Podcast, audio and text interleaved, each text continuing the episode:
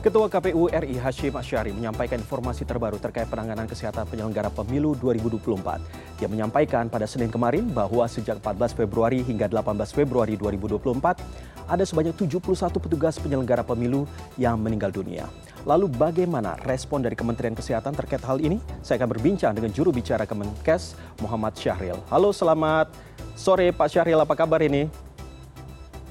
Ya, selamat sore Pak Iqbal. Salam sehat semuanya. Baik, terima kasih. Pak Syahril, ini langsung saja saya perlu konfirmasi dari pihak Kemenkes terkait dengan jumlah dari uh, penyelenggara pemilu yang meninggal dan juga sakit. Karena menurut informasi yang kami dapatkan dari Pak Hashim sendiri mengatakan ada 71. Ternyata informasi berbeda justru uh, terjadi ataupun terlihat dari data yang dimiliki oleh Kemenkes, Pak. Ya, terima kasih. E, kami sudah menyampaikan data, memang 71 orang ya. Nah, namun sebelumnya kami hmm. ingin juga menyampaikan rasa bela sungkawa yang dalam ya atas meninggalnya para pejuang demokrasi kita ini ya. Hmm. Jadi ta, dari 71 orang itu ada 42 yang bertugas sebagai KPPS ya. ya. Jadi jumlahnya 21. Kalau kita banding dengan tahun 2019 itu sangat jauh ya. Hmm. Itu ya, sangat jauh dari jumlahnya. Hmm. Dan ini alhamdulillah upaya-upaya yang dilakukan oleh kita sesuai dengan apa yang menjadi uh, kajian atau analisa pada saat pemilu tahun 2019 begitu Mas. Hmm. Ini menarik ketika Bapak menyampaikan bahwa ini berbeda jauh sekali dibandingkan tahun 2019. Tetapi tetap saja ada puluhan yang meninggal dunia. Ini bagaimana catatan dari Kemenkes agar hal ini tentunya tidak terulang lagi? Apa yang perlu diperhatikan dan apa yang menyebabkan hal ini juga terhitung cukup banyak Pak? Ya, jadi dari 71 itu ada 42 itu KPPS. Mm -hmm. Memang eh, dari KPU sudah menginsyaratkan umur dari eh, petugas ini adalah maksimal 55 tahun ya, ya. dengan tidak eh, sakit atau sehat secara fisik dan mental. Mm -hmm. Nah, dari eh, yang direkrut oleh KPU itu memang usianya di bawah 50 tahun semua atau 55 tahun semua. Yeah. Hanya ada memang beberapa yang masih mempunyai suatu gejala-gejala yang bisa mencetuskan penyakitnya, hmm. yaitu hipertensi ya. Yeah. kemudian diabetes dan juga ada penyakit jantung. Hmm. Nah, semuanya itu bisa dipicu uh, oleh beberapa keadaan, hmm. terutama memang uh, seperti tahun 2019 faktor kelelahan juga selalu ada ya, hmm. yang memang memicu ketiga penyakit yang memang sangat mudah dipicu oleh ketiga itu agar uh, bisa menjadi tercetusnya penyakit itu. Tetapi kalau dilihat dari jumlahnya, itu suatu upaya yang luar biasa juga dari teman-teman KPU dan kita semua lah ya untuk menurunkan jumlah.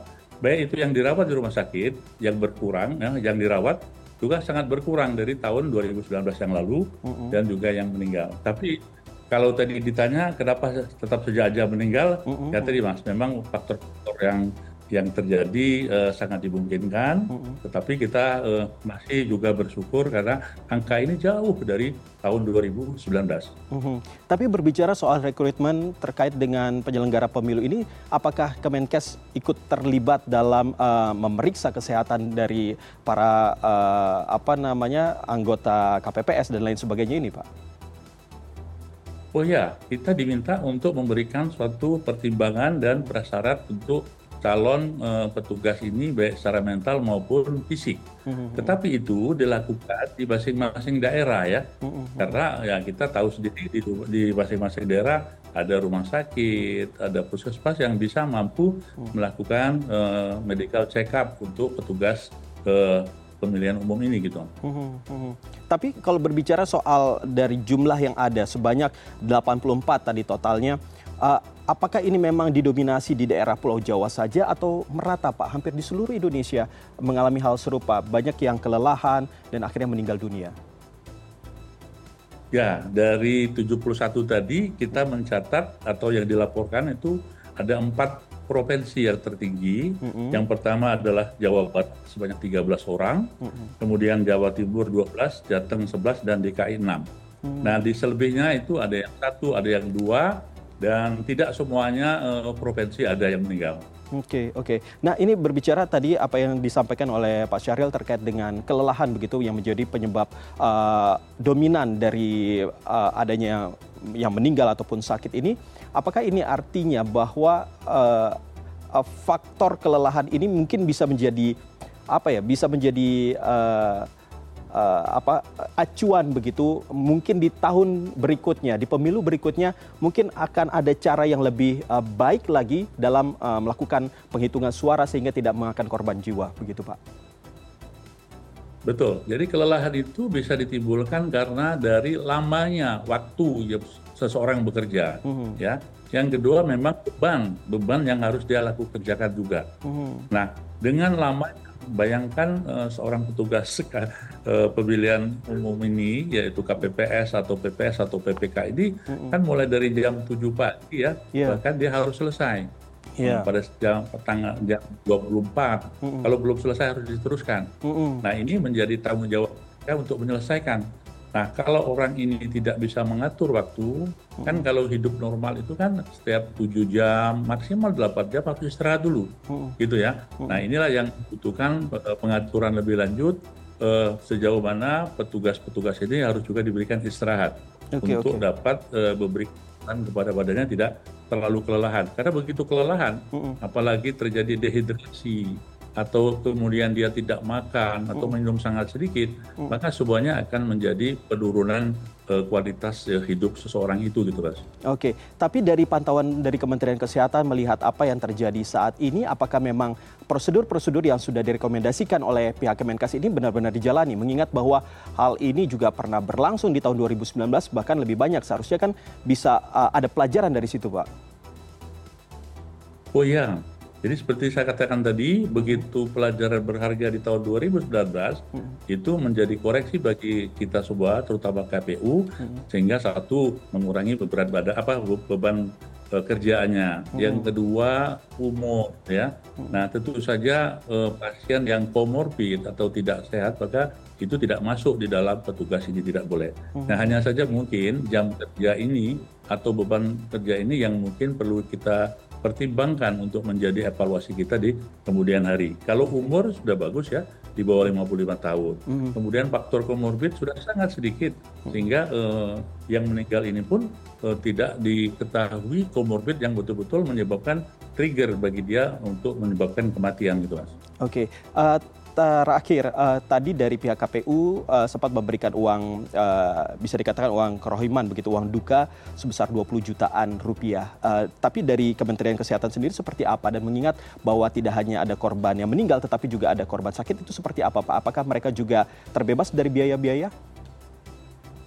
Ya, jadi uh, uh, sebagai komitmen kita pemerintah harus hadir jadi semua hadir di sini pemerintah ya. Uhum. Jadi untuk uh, petugas yang sakit itu melalui eh, BPJS uhum. atau Jaminan Kesehatan Nasional itu ditanggung semua. Mulai dari yang PPK 1 atau pas fasilitas pelayanan kesehatan yang pertama, puskesmas sampai ke rujukan. Sehingga uh, semua beban itu ditanggung oleh pemerintah. Sedangkan santunan itu sebagai bagian dari bentuk uh, apa namanya ikut kedukaan memang sudah diatur ya oleh uh, KPU tadi sudah dilihat ada yang 20-an juta itu kepada uh, petugas yang meninggal. Jadi okay. prinsipnya uh, semua bahkan sampai saat ini pun petugas yang masih sakit menjadi tanggung jawab kita semua. Dan uh, untuk petugas yang uh, saat ini masih terus melakukan perhitungan suara, apakah ada apa namanya ada rekomendasi khusus begitu mengingat bahwa uh, beban kerja yang tinggi, apakah uh, ada perubahan begitu polanya uh, saat perhitungan suara Pak yang dilakukan oleh Kemenkes? Oh, kita hanya merekomendasikan agar diatur agar tidak terjadi kelelahan karena durasi waktu yang panjang mm-hmm. seseorang melakukan tugasnya. Mm-hmm. Jadi harus ada istirahat. Yang okay. kedua makan minum yang cukup, ya sehingga dengan dua hal ini akan sangat membantu. Jadi dia cukup istirahat, kemudian beban kerjanya uh, tidak terlalu berat dan juga makan minum yang baik, maka insya Allah uh, dia akan bisa menyelesaikan tugas ini sampai selesai. Baik, tentunya kita sama-sama berharap agar adanya kasus ini tentunya bisa uh, apa yang direkomendasikan oleh dari Kementerian Kesehatan itu bisa benar-benar dilakukan oleh pihak KPU sehingga tidak menimbulkan korban jiwa yang lebih besar lagi. Terima kasih Pak Muhammad Syahril, juru bicara Kemenkes Republik Indonesia sudah berbicara dengan kami di CNN Indonesia Connected. Salam sehat selalu Pak. Salam sehat. Terima kasih.